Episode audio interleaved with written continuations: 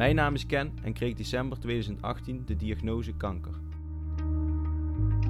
Ik wil graag het gesprek aangaan met anderen die ook geraakt zijn door kanker. Ik hoop hiermee het onderwerp kanker wat makkelijker bespreekbaar te maken en anderen te kunnen helpen bij het omgaan met deze ziekte.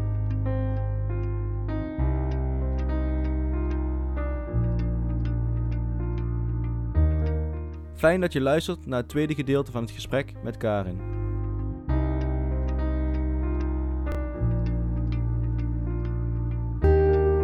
Welkom bij de podcast Kankerpraat.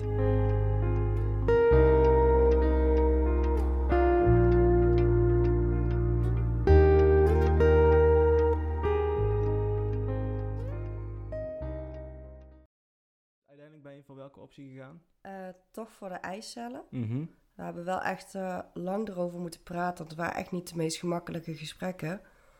Want eigenlijk min of meer vraag je ook van ja, hoe stabiel is onze relatie? En zullen we inderdaad dit traject samen kunnen overleven? Ja. En dat is wel een hele moeilijke vraag om te stellen eigenlijk. Het zijn eigenlijk twee vragen. Hè? Het hele traject wat je ingaat, dat moet je samen overleven. Maar je moet ook al samen gaan denken eh, over kinderen. Terwijl je 23 bent en daar eigenlijk misschien nog helemaal niet mee Nee. bezig bent. Dus dat is natuurlijk wel... eh, Nee, en mijn partner zei van ja, ik weet hoe graag jij kinderen wilt. ja, Dus ja, toch samen toch wel besloten om voor die eicellen te gaan. ja, ja. En de hoop dat we ja, het niet nodig zou moeten zijn in de toekomst. Maar ja, Want bij, bij die chemo is dus nooit 100% zeker wellicht dat je na die chemo gewoon op de natuurlijke weg kinderen kunt krijgen. De kans was groot, maar er was ook een kans Van minder dan 5% dat het Ja. niet is. Ja. En dan is de vraag, wil je dat risico nemen? Ja. ja, in mijn geval was dat ook zo met de behandeling. En ik heb ook direct... eh, wij waren totaal nog niet bezig met kinderen, maar ik heb direct zoiets gehad van ja, ik laat die optie open. Want Ja. Ja, ik zou het mezelf niet vergeven als ik daar tien jaar verder ben en, en we denken wel aan kinderen. En eh, Ja. ik heb toen gezegd, nee, ik, ik, ik wil geen kinderen. Ja, Dat, eh, terwijl het een, eh, ja, waarschijnlijk voor de man minder, maar een relatief kleine moeite is. Ja, dus Ja. dus ja, voor, voor mij persoonlijk was, was dat niet, niet, niet iets om lang over na te denken. Maar wel wat je ook zegt, op die leeftijd daar al met je partner over praten, over denken van, hé, hey, willen we dat überhaupt? Ja, Natuurlijk heb je het er wel eens over, maar dan, nu moet je het erover hebben, word je verplicht om Ja. het over te hebben en al eigenlijk een soort van keuze. en ook nog op korte termijn moet je die keuze Ja. maken. Het is niet dat je kunt zeggen, nou, we gaan er eens even een maandje over nadenken. Nee, nee, Nee, ja, ehm, we willen zo snel mogelijk eigenlijk die keuze hebben, want we moeten daar ook stappen voor ondernemen. ja. Dus in jouw geval gebeurde dit al voor de operatie ook? Dat we daarover na moesten denken, wel, ja. Ja, maar het, het eicellen invriezen zelf, dat, Dat is na de operatie pas Ja. gebeurd. Want het is niet dat ze direct na een operatie dan eventueel starten met chemo. In mijn geval niet. Er Nee. was wel de voorkeur van als je hersteld bent van de operatie, het liefst gelijk beginnen met de chemokuren. Maar zeiden ja, we willen eerst die tumor verwijderen, dan de eicellen doen Mhm. en dan eigenlijk kort daarna, dat was volgens mij op woensdag of zo had ik de eicelpunctie en op maandag had ik mijn chemokuur al. Dus ja, dat is traject is wel echt. Ja. heel snel achter elkaar gegaan. En die operatie zelf, eh, even terug daar naartoe. eh, ja, er zijn heel veel dingen wat van, van tevoren gebeuren. En dan, ja, eh, ja, zeker, absoluut. Maar over de operatie zelf, ik heb daar niet zo'n goed beeld van. Dan wordt je borst dus geamputeerd. Ja. Hoe lang duurt zo'n operatie? Hoe lang is het herstel? de operatie duurt een paar uurtjes. En dat doen ze gewoon in het streekziekenhuis in Venlo. Ja, Oké. In mijn geval ben ik toen naar Venray gegaan daarvoor. En er was dus eerst ehm, de oncologische chirurg die wat de ingreep heeft gedaan. Mhm. Ja, een oncologische chirurg, want die heeft de tumor moeten verwijderen. En die heeft eigenlijk ook grotendeels ehm, de huid verwijderd en ook de tepel verwijderd. Mhm. Want de tumor zat heel dicht bij de huid. Dus die zegt, ja, eigenlijk moet gewoon bijna alles weg. Ja. Dus toen hebben ze dat allemaal weggehaald. Daarna is de plastisch chirurg gelijk in dezelfde sessie ook nog gekomen. Om eh, die ballon eigenlijk te plaatsen Ja. en de mond dicht te maken. Dus dat is ook eigenlijk een communicatie op twee afdelingen moeten zijn. Van Ja. goh, hoe gaan we dit inplannen tot allebei de artsen op dezelfde dag beschikbaar zijn. En achter elkaar gewoon een operatie kunnen doen. ja. En dat heeft toen, hoe lang geduurd die operatie zelf? Ja, ik denk echt maar ja, een paar uurtjes, niet zo lang als jouw operaties. Maar Nee, is natuurlijk een, een, een heel andere operatie. ja, dus ja, ik denk een iets simpele operatie. Dus ja, ik denk Ja, maar... technisch gezien lijkt, lijkt me ook heel makkelijk. Zeker met, met die reconstructie lijkt me... Ja, volgens mij was het gewoon puur een ballon plaatsen onder je Ik borstspier. denk dat het vooral makkelijker klinkt dan, dan het is. Of Ja, niet? ik zou het zelf nooit doen. Maar ik, ik denk dat er meer ingewikkelde operaties zijn Ja, eh, dan deze Ja. operatie. Maar goed, het was je eerste operatie, dus dan eh, vond je het spannend voordat je in slaap gebracht werd? Ja, Ja, ja, ik weet dat ik nog op de kamer zat en echt gewoon eh, op een gegeven moment zeiden ze van... Oh, eh, we kunnen je nu al klaarmaken, want de artsen zijn al klaar. Eh, Ja. Je wordt sneller geopereerd. Ik zei, oh, oké. Oké, pilletje innemen, dit, dat. En mijn, mijn vriend die liep mee naar de lift, dus toen hebben we ook echt afscheid moeten nemen. En dat is ook echt wel heel erg moeilijk. ja, Dat Ja. je op dat moment gewoon, ja, je weet dat je geopereerd gaat worden. Je weet dat het eigenlijk ook heel goed is. Maar het is wel ja echt... het moet gebeuren. het moet gebeuren. Ja, maar het- jij moet het wel even ondergaan. Ja, Ja, en dat is vaak zo. Ja, en je vriend die, die, die moet jou op dat moment maar even Laten overgeven. gaan. aan ja, en dat is natuurlijk ook voor de partner een, eh, een verschrikkelijk moment. Of sowieso voor alle eh ja je, moet dan, je moet dan wachten Ja. en je weet niet wat daar gebeurt. En dan duren uren echt gewoon, ja. Ja. minuten duren dan al lang, denk ik. Ja. Ja, ik heb het zelf nooit meegemaakt dat ik op een persoon zit te wachten. Maar ik, ik probeer het me wel eens voor te stellen. Maar ik denk ook dat dat wel een, eh, ja, een onderdeel is wat, wat echt verschrikkelijk is. Als ik me Ja. probeer voor te stellen dat in de schoenen waarin mijn vriendin heeft gestaan... dat ik op haar moet wachten na een lange operatie. Ja, dat lijkt me Ja, toch ik- wel... eh, Ik, ik denk echt dat het gekmakend is, dat je zo moet wachten. Ja, lijkt me ook. En toen werd je wakker na die operatie? Ja, en toen, eh, toen werd ik wakker op de recovery. En dat ging eigenlijk ook wel goed. Ik werd redelijk snel teruggebracht op mijn kamer. Mhm. En daar was mijn vriend al op me aan het wachten. En mijn collega's hadden al eh, een eh, knuffelbeer toegestuurd. Oké. Dus die stond ook fijn op de kamer te wachten. Dus dat was ook wel een hele leuke verrassing. Ja, Dat je toch even nog wat persoonlijks op de kamer hebt. ja. En wist je toen al dat de operatie helemaal goed gegaan is? Eh, nee, op dat moment eigenlijk niet. Dat krijg je later na pas Ja. te horen. Ja. Maar in ieder geval, ja, wel zover goed gelukt. Maar of alles daadwerkelijk weg is. Nee, oké, dat inderdaad moet de patholoog natuurlijk... Moet de patholoog nog ja. even naar kijken. En toen werd er ook nog gekeken, ja, precies. eh, ja, wat de tumor was en wat voor eh, kenmerken de tumor had. Dus hormoongevoeligheid, Ja, eh, bepaalde receptoren of die dat erop lukte niet zaten. uit biopt. Dat moesten ze echt Dat was later na Ja, pas. De biop was puur kijken, goed of kwaadaardig. Ja. Ja. En hoe lang heb je toen, toen moeten herstellen in het ziekenhuis? In het ziekenhuis heb ik echt wel een dag of drie, vier gelegen. Mhm. Volgens mij ben ik toen op donderdagochtend naar huis gegaan en ik was op maandag geopereerd. Dus ik heb echt wel ruim drie dagen in het ziekenhuis gelegen.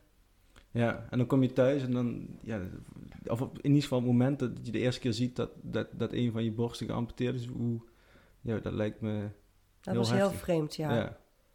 Ja, dat was eh, nog in het ziekenhuis. De dag na de operatie gingen ze wond controleren. Mhm. En dat is eigenlijk heel raar, want aan de ene kant heb je nog een hele mooie borst. Ja, En aan de andere kant ja, valt ook eh, je kleding gewoon naar onder toe. ja. Dus Ja, dat was ziet- wel heel raar. Toen was ik ook echt wel geschrokken. Ja. Want ik had verwacht dat ik iets meer zou hebben na de operatie Ja. dan wat ik op dat Ja. moment had. En dan zit er ook nog zo'n litteken, of viel dat mee? Nee, er zat wel een groot litteken Ja. ook op. Ja, dat is, dat is natuurlijk al één ding. Ja, Hè, dat je in één keer een litteken ziet op een plek waar je... Of je, je hebt nooit bij jezelf een litteken gezien, dan heb je ook nog geen borst meer. Ja, dat Ja. is wel... eh, lijkt me behoorlijk heftig, inderdaad. ja, en de artsen zijn tegenwoordig wel steeds beter met de technieken. Dus de littekens zullen steeds kleiner Ja. worden. Ja. Ja. Maar ja, negen jaar geleden toen... Het- ja, dat is alweer een verschil tussen negen jaar en nu. Ja, Ja. En word je vriend? Misschien een eh, aparte vraag, maar de, de keer dat hij dat voor de eerste keer zag... volgens mij heeft dat heel lang geduurd. Ja, want het ik kan me voorstellen dat je dat zelf ook wel heftig vond. Dat iemand anders het zou zien. Ja, Ja, het is toch echt de confrontatie met de ziekte. ja, ja, Van nu wordt het pas tussen haakjes echt. ja. Voor mij was het in ieder geval op dat moment pas echt. Ja, het wordt echt zichtbaar ook. Ja, daarvoor Ja. was het gewoon compleet niet zichtbaar. Ja, En op sommige momenten gewoon ligt er net aan hoe ik aan mijn borst deed voelen, kon ik het ook nog niet eens voelen. nee, Dus op dat moment werd ook pas echt duidelijk van, oh ja, het is echt zo. ja. Ja, plus voorheen, als je naar jezelf keek, dan zag je niks aan jezelf. En nu Nee. zit daar in één keer, eh, is daar geen borst meer en zit daar een litteken. Nee, gelukkig kun je het wel opvullen met... eh, er zijn natuurlijk dingen waardoor je het kunt opvullen, waardoor Ja. het eigenlijk niet zichtbaar is. Maar dat is niet hetzelfde. Nee, nee. Nee, misschien voor, voor een ander die, die je ziet, eh, maar niet voor jezelf natuurlijk. Niet voor jezelf, nee. Nee, nee. En toen begon je al redelijk snel aan die chemo, of redelijk snel, de Ja. periode daarna begon je aan die chemotherapie. Ja, ja, dat was echt... eh, volgens mij heb ik een week of twee moeten herstellen van de operatie. Toen kwam die eipunctie nog tussendoor. En daarna begon ik gelijk eigenlijk al met de chemokuren. Ik denk dat daar een maand tussen zat of zo. Dus Ja. ja. Ja, dus dat is redelijk, toch redelijk snel na de operatie. En had je Ja. voor je gevoel wel al dat je lichamelijk alweer helemaal de oude was? Buiten het feit dat eh, na die operatie, maar wel ook gewoon weer fit. nee, ik voelde me op dat moment eigenlijk wel weer vet, ja. Ja. ja. en merkte je ook wel opluchting? Dat je wist dat eh, die, die, die bron, die tumor, dat dat, dat, eruit is? Ja, want eh, nadat ik dus op een gegeven moment op controle kwam, toen zeiden ze van, nou, we hebben wel echt alles verwijderd. Dus er zit echt geen tumor meer in je lichaam. Ja. En we kunnen de tumor ook goed, eh, of de, mocht er nog ergens tumorcelletjes in je lichaam zitten, dan kunnen we die ook wel goed aanvallen. eh, omdat je tumor eigenlijk overal positief op testen. Oké. Dus hij was, ja, het enige nadeel was is dat hij snel groeiend was. Mhm. Hij was ook hormoongevoelig. Dus dat betekent dat ik wel hormoontherapie moest gaan gebruiken jarenlang. En ik kon ook immunotherapie krijgen, omdat er ehm, een bepaalde eh, eiwit op de tumor zat. En die Dus van ze, die receptoren, zeg maar. Die, Ja. eh, ja, de die- HER2-receptor. En die konden ze dus weer aanvechten met ehm, immunotherapie. Oké. Maar dat was toen denk ik wel helemaal in de kinderschoenen, immunotherapie, negen jaar geleden. Of was het toch al wel een Het was volgens mij wel een redelijk... eh, veelgegeven behandeling? Ja, het Ja. werd toen in het begin nog voornamelijk met infuus gegeven. Alleen toen was er wel nog een studie om dat gewoon met een spuit eigenlijk in je been te doen. Toen zei ik, ja, laat me nou meedoen aan die studie. Ja. Want dat gaat dan toch een tikkeltje sneller dan eh, met een infuus. Ja, ja. Maar je koos voor die chemo of was het toch de arts die dan zei van... De gaan- arts zei van, gezien jouw leeftijd... Ja, je bent 23 jaar. Je hebt nog eh, ja, meer dan driekwart van je, le- van je leven heb je nog tegemoet. Of Ja. in ieder geval twee derde van je leven. Als we ervan uitgaan dat de meeste mensen toch wel 80 of ouder Ja. worden. Ja, dan heb je nog gewoon zoveel van je leven tegemoet. Dus we willen eigenlijk nu gewoon alles erop inzetten dat als er nog iets in je lichaam zit, dat dat gewoon aangevallen wordt. En ehm, dat er geen tumorcel dadelijk meer over is in je lichaam. ja.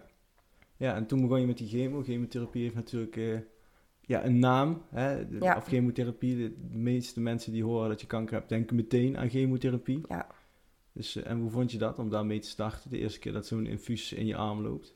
vreemd.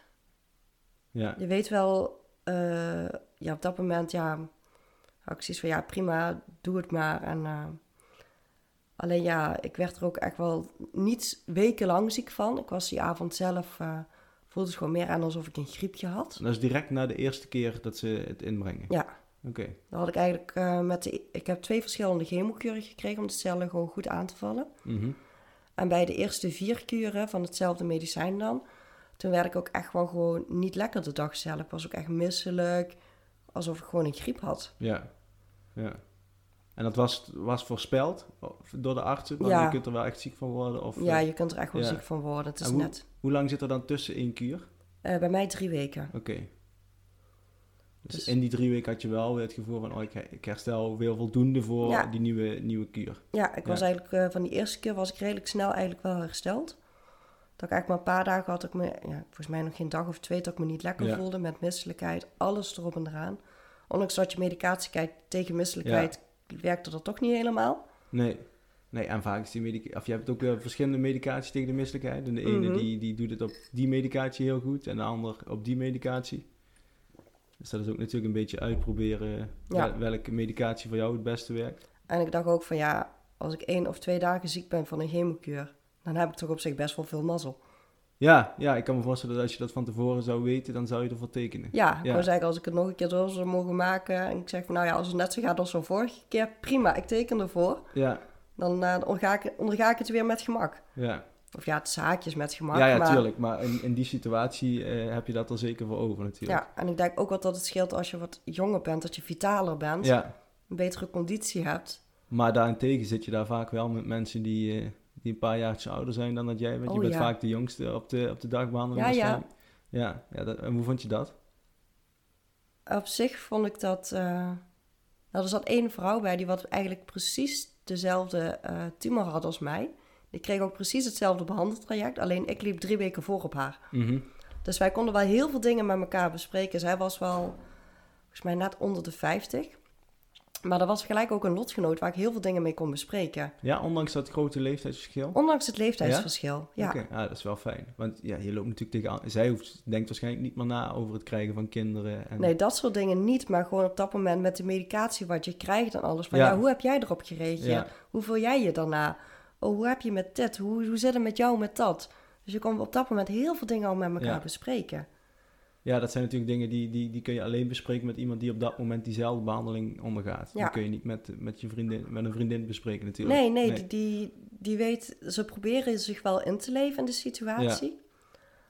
Alleen, ja, je kunt tot een bepaalde hoogte je inleven, maar je weet niet op dat moment wat voor keuzes mensen soms, maken. soms kan dat gewoon niet. Kun je je gewoon niet inleven. Nee. Dat is net wat we net ook zeiden. eh, je partner die op jou zit te wachten tijdens een operatie. Je kunt je tot een bepaalde hoogte inleven, maar Ja. helemaal kun je dat niet begrijpen. En dat is andersom ook zo. En ik denk ook dat het, dat het goed is. Of ja, dat is niet erg dat je elkaar niet kunt begrijpen. Nee, nee. Toch? Dus de, ja, dan moeten we ook niet proberen om eh, elkaar maar te moeten begrijpen, want soms lukt het gewoon niet. Nee, dat klopt. Ja, en in, in dit geval is dat natuurlijk eh, ook zo. Ja, Ja, Het e- enige wat ik een beetje, met die, toen ik de chemokeuring kreeg, een, een raar moment was. Was ik zat daar met mijn zus. Want ik nam elke keer iemand anders mee, zodat ze konden zien van, goh, zo gaan chemokuren in het werk. ja, Zodat ze ook weten van, Ja. ja. hoe het is om daar te zitten. En je moet er toch een paar uur lang zitten. Ja. Dus denk ik, ja, dan neem ik elke keer iemand anders mee. En dan heb ik elke keer iemand anders om mee te kletsen. ja. ja. Denk, dat is- keuze, denk ik. Wel zo gezellig. Ja. Dus ik heb ook gevraagd aan mensen van, eh, die wat heel dichtbij me stonden. Ja, allebei mijn ouders, mijn, ja, mijn partner dan een keer, mijn zus, een neef van mij waar ik altijd heel goed contact mee had, een vriendin van mij.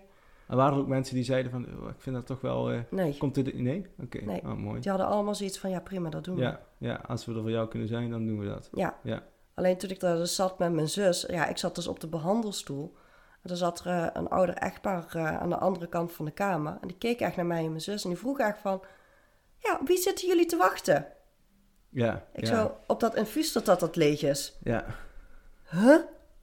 Die waren helemaal Jij, op dat moment in shock. En ik denk echt van ja, nee, we zitten hier voor ons plezier. Ja, ja, Maar ja, dan merk je ook wel van, oh ja, het is bij mensen echt zo... dat ze niet verwachten dat je zo jong bent Ja. en dan toch die chemokuren kan krijgen. ja, dat beseffen ze bij veel mensen niet. En natuurlijk is het is ook wel logisch, want het is zo uitzonderlijk. Ja. Maar ja, het zou mooi zijn als het besef wat meer zou komen dat het ook op deze leeftijd kan. Ja, Ik heb een keer meegemaakt, toen zat ik in de wachtkamer en toen riepen ze mijn naam om en toen dachten ze dat mijn vader de patiënt was. Terwijl ik, het ging om mij, mijn vader Ja. was bij me, die liep gewoon mee, maar eh, degene die ons kwam halen, die keek mijn vader aan. Dan denk je, ja, dan heb je sowieso al niet gekeken naar de geboorte. Ik wou zeggen, dat maar is- die keek echt mijn vader, eh, mijn vader aan.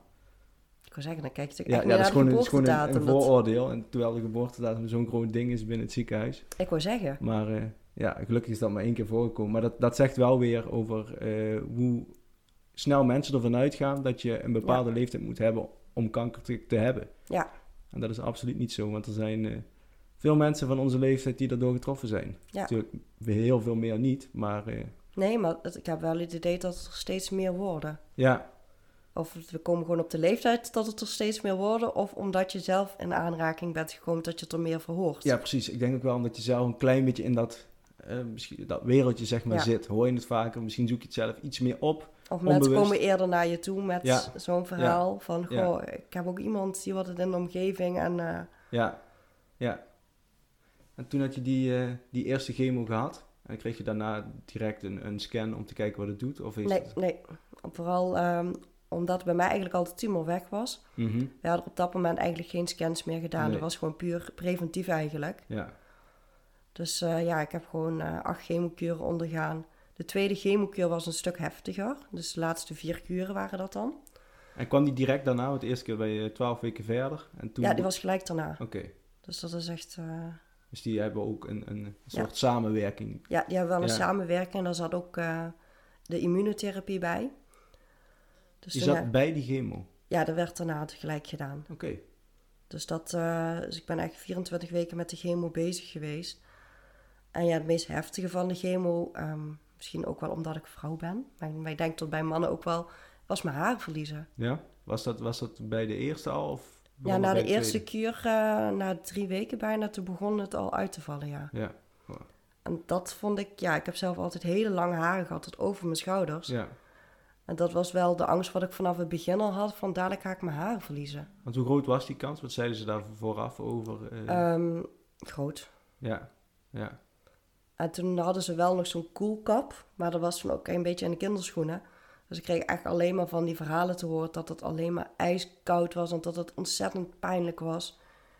Toen dacht ik ook van ja, wil ik dat dan wel? Ja, En want als, dat zou de kans, want het is niet dat het dan zeker niet uitvalt. Nee, dan heb je de kans van 33% dat je haar in ieder geval compleet Ja. intact blijft. Ja. Maar je kunt het- even goed nog haar verliezen. Misschien Je kunt nog steeds ook maar- van 33% een deel van je haar verliezen. En 33% Ja. dat je al je haar verliest. Ja. Maar ja, dan heb En je, die heb je dan, op tijdens de kuur. die zou je dan tijdens de kuur op Ja. moeten hebben, ja. Ja. Toen zei ik ook van ja, weet je, doe maar niet. Nee. En als ik later naar terugdenk, denk ik van alle keuzes wat ik heb gemaakt, is dat de enige waar ik een beetje spijt van heb. Ja? Ja. Ook nu, nu je je haar weer terug hebt, want eh, ja, de, mensen, de luisteraar ziet het niet, maar je haar is weer mooi terug. Ja, mijn haar is weer prachtig teruggekomen. Maar ook, ook nu heb je nog steeds zoiets van, eh had Ja, ik het toen, had ik het toen maar gedaan. Ja? Omdat Ja. je het zo zwaar vond dat mensen zagen dat je ziek bent. Meer voor mezelf, dat het gewoon ehm, lang duurt voordat je haar terugkomt. En voor mij was het toch elke keer weer een confrontatie van, oh ja, ik heb kanker gehad. Ja. ja. Want over wat voor periode spreken we dan, voordat het terug is? Voordat het terug was, ehm, voordat ik echt een heel kort kapsel had, toen was ik bijna een jaar verder. Dus eigenlijk eh, zo'n negen maanden verder van mijn eerste chemokuur dat ik echt mijn pruik heb afgezet. En ik denk dat ik zeker wel een ruim vijf jaar of zo verder was voordat ik zoiets had van nou, nu is mijn haar wel Ja. weer op een redelijke lengte. Ben je zelf weer tevreden? Ja, Maar ja, waarschijnlijk een ander... Of ja, kort haar op je 23, dat, dat zie je niet zo heel vaak. Maar misschien dat een ander denkt... oh, allemaal, heel veel mensen om me heen die zeiden dat staat je fantastisch. Ja. En nog steeds zeggen ze van, oh, dat korte haar bij jou. Ja, Ja, we weten dat jij dat niet mooi vond. Dat bij jou dat niet een bewuste keuze was, maar alleen omdat je ziek was. Maar vind je het dan fijn om te horen dat mensen zeggen het staat je fantastisch? Of heb je zoiets van, ja, eh, je kunt me wat. eh, ik vind het zelf... eh, Ik zeg ook van, ik vind het fantastisch dat jullie het zo mooi vinden, maar denk me niet dat het ooit nog terugkomt. nee. nee. Voor nog geen miljoen. Voor een miljard ga ik het overwegen. Ja. ja, Dus dat, nee, dat is, niet iets wat ik snel zou zeggen van, ik zou het weer doen. nee.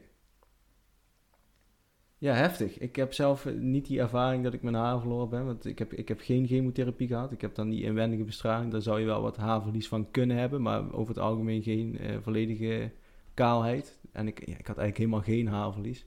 Maar wel vaak ehm, we proberen in te denken in, dat, dat dat ook in mijn geval zo zou kunnen zijn. En hoe ik dat dan zou vinden. En ik merk wel al dat ik heel veel waarde hecht aan het feit dat ik er verder eh, relatief gezond uitzie. Dus als ik op Mhm. werk kom of waar dan ook, dat me- mensen die het niet weten ook niet zien van hé, dat is die jongen die kanker heeft. Ja. En dat vond ik altijd heel prettig. En dat valt dan natuurlijk weg. Nou, ik was wel blij dat ik gewoon een pruik had. Dus daardoor had ik wel gewoon nog mijn lange haren.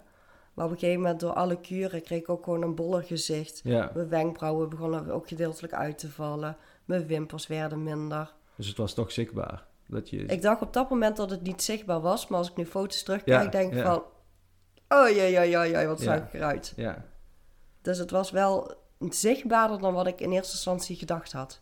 ja, misschien ook maar goed dat je op dat moment niet helemaal inzag hoe zichtbaar het was. Toch? Ja. Want anders dan, dan, dan erger je dagelijks aan je eigen, Ja, eigen voorkomen. Dat is op dat natuurlijk... moment dacht ik echt van... Nou, ik zie er nog super uit. Ja, Niemand wat het ziet. Nee. Maar als ik terugdenk van, oh ja, nou als ik de foto's zie, denk ik, oh ja, het was wel zichtbaarder dan wat ik in eerste instantie gedacht had. Ja, waarschijnlijk mensen om je heen zullen nu zeggen van ja, we zagen het toen toch wel, maar op dat moment zullen ze dat ook niet zo snel zeggen, of wel? Nou, mijn zus zei toen wel, op een gegeven moment stond er een foto online, toen zei ze echt van, vraag aan die persoon om die foto eraf te halen, want het ziet, Daar daar, zie je het. zie je het echt heel Ja. goed. Ik, ik kon je nog niet eens herkennen op de foto. Ik zoiets van, oké. Dus ja, ze is wel heel eerlijk. Ja, ja, zeker, maar dat is denk ik ook wel wat je op dat moment eh, niet wilt horen, maar het beste is om te horen. Toch? Ja. Iedereen kan wel zeggen, je ziet er heel goed uit, je ziet er heel goed uit, terwijl ze achter jouw rug om allemaal weten en vinden dat, dat je er Ja. heel ziek uitziet, toch? Ja, nee, dat is ook. Ja. En toen had je die chemo's achter de rug, toen, ja, toen begon die periode van eh, herstellen daarvan, Ja. denk ik ook. Merk je lichamelijk wel dat je... Ja, vooral de laatste chemokuur, die laatste vier, die waren best wel heftig. Ik merkte echt wel, ehm, nadat ik die gekregen had, ik kreeg altijd op maandag de chemokuren, dat ik echt op zaterdag gewoon echt ontzettend moe was. Ik, ja, vijf minuten lopen naar de winkel heen en terug, dat was echt al de max. Dan Ja. moest ik al daarna weer terug in bed gaan liggen om echt gewoon bij te komen. En dat werd met elke chemokuur ook wel zwaarder. Dus echt de eerste paar dagen, de eerste week was dan zwaar. Dan had ik nog weer twee weken om te herstellen. Toen merkte ik, oh ja, nu gaat het weer beter. Ja, Dus op sommige momenten was ik gewoon aan het fietsen, ja, een week na de chemokuur. En dan werd de opetjes en ometjes van 80 ingehaald. allemaal zonder elektrische fiets nog destijds. En dan dacht ik echt van... niet meer zonder elektrische fiets. Nee, daarom maar- tegenwoordig halen ze Ja. iedereen in met een gewone fiets. Maar toen was het nog wel zeer uitzonderlijk. Ja. Dat ik echt dacht van... Mijn god zeg, en ik heb geen energie om die berg op te fietsen. Ja, En dan, ja, het weekend voor mijn chemokuur. Nou, ik zat op de fiets en ik haalde gewoon mijn vriend weer in. En dat zijn ook hele bizarre momenten. Ja, dat zijn ook van die echte confrontatiemomenten. Je hebt die momenten dat je in de spiegel staat en dat je bijvoorbeeld ziet dat je borst eraf is of dat je haren uitvallen. Maar dit zijn ook van die momenten die je in het dagelijks leven gewoon meemaakt. Ja. Eh, en dan kom je erachter dat je echt wel eh, hebt ingeleverd. Ja, En dan ten opzichte nog van, van oudere mensen die je niet kent, maar dan eh, waarschijnlijk helemaal ten opzichte van je vrienden om je heen. ja. Want die, die gingen natuurlijk gewoon eh, ja, voornamelijk door met hun leven en, en leuke ze dingen waren doen. allemaal heel erg betrokken en ook echt van...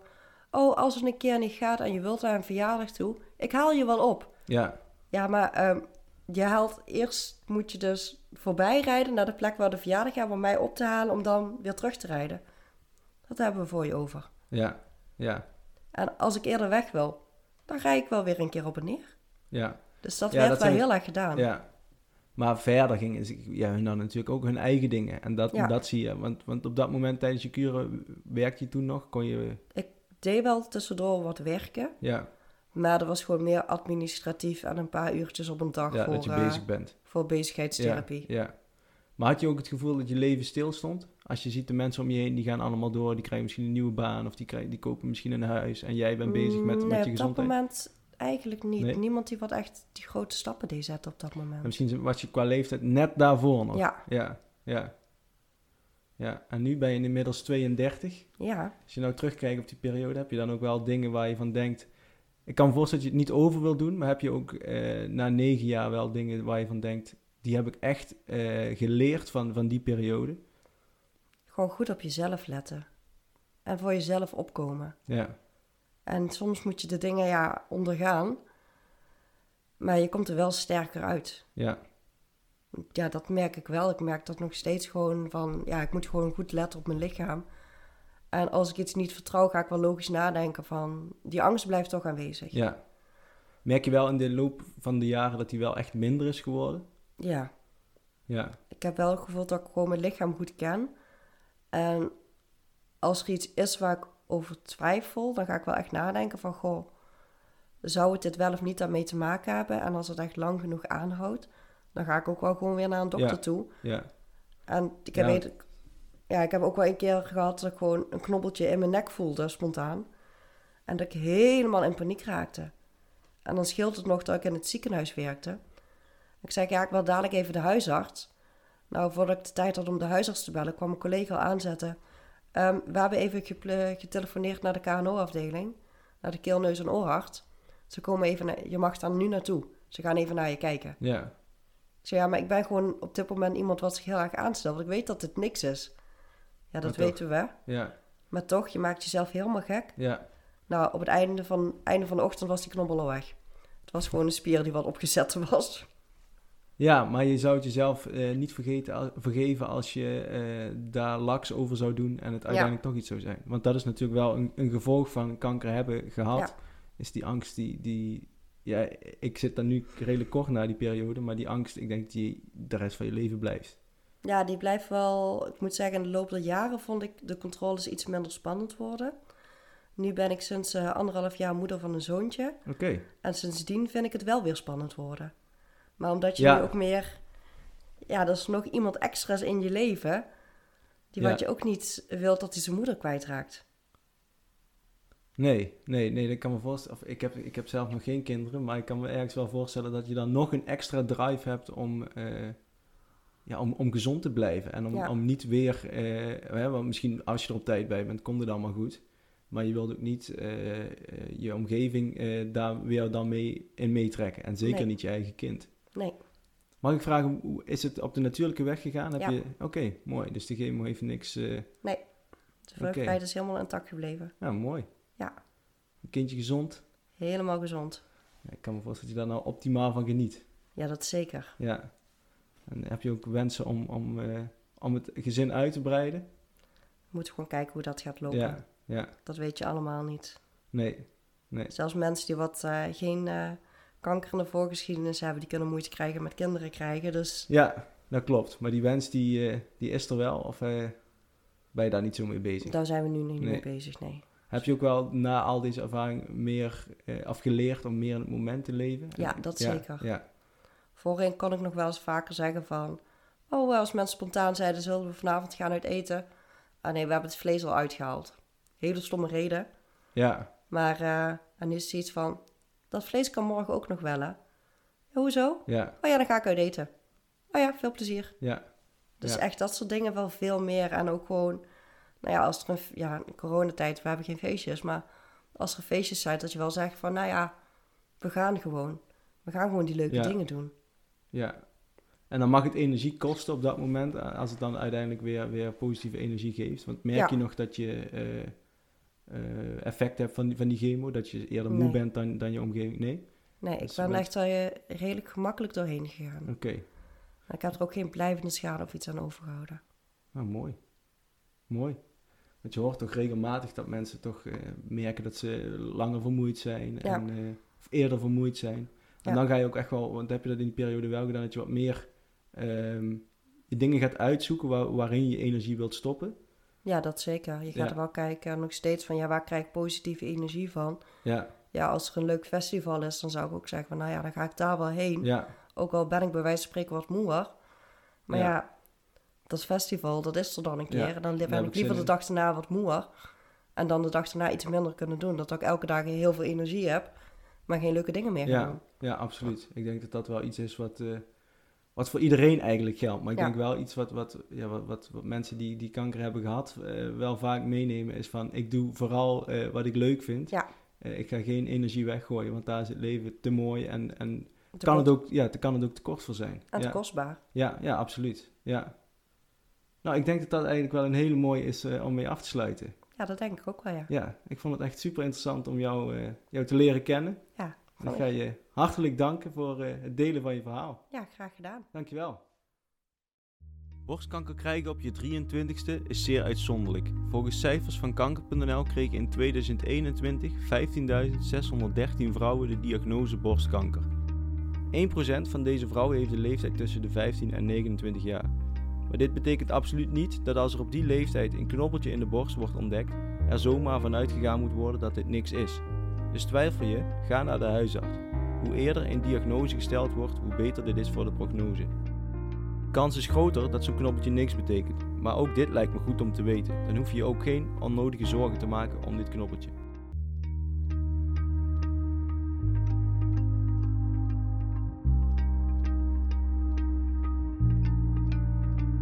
Ben jij ook geraakt door kanker en lijkt je fijn om daarover met mij in gesprek te gaan tijdens deze podcast? Stuur dan gerust een berichtje. Het mailadres staat in de beschrijving.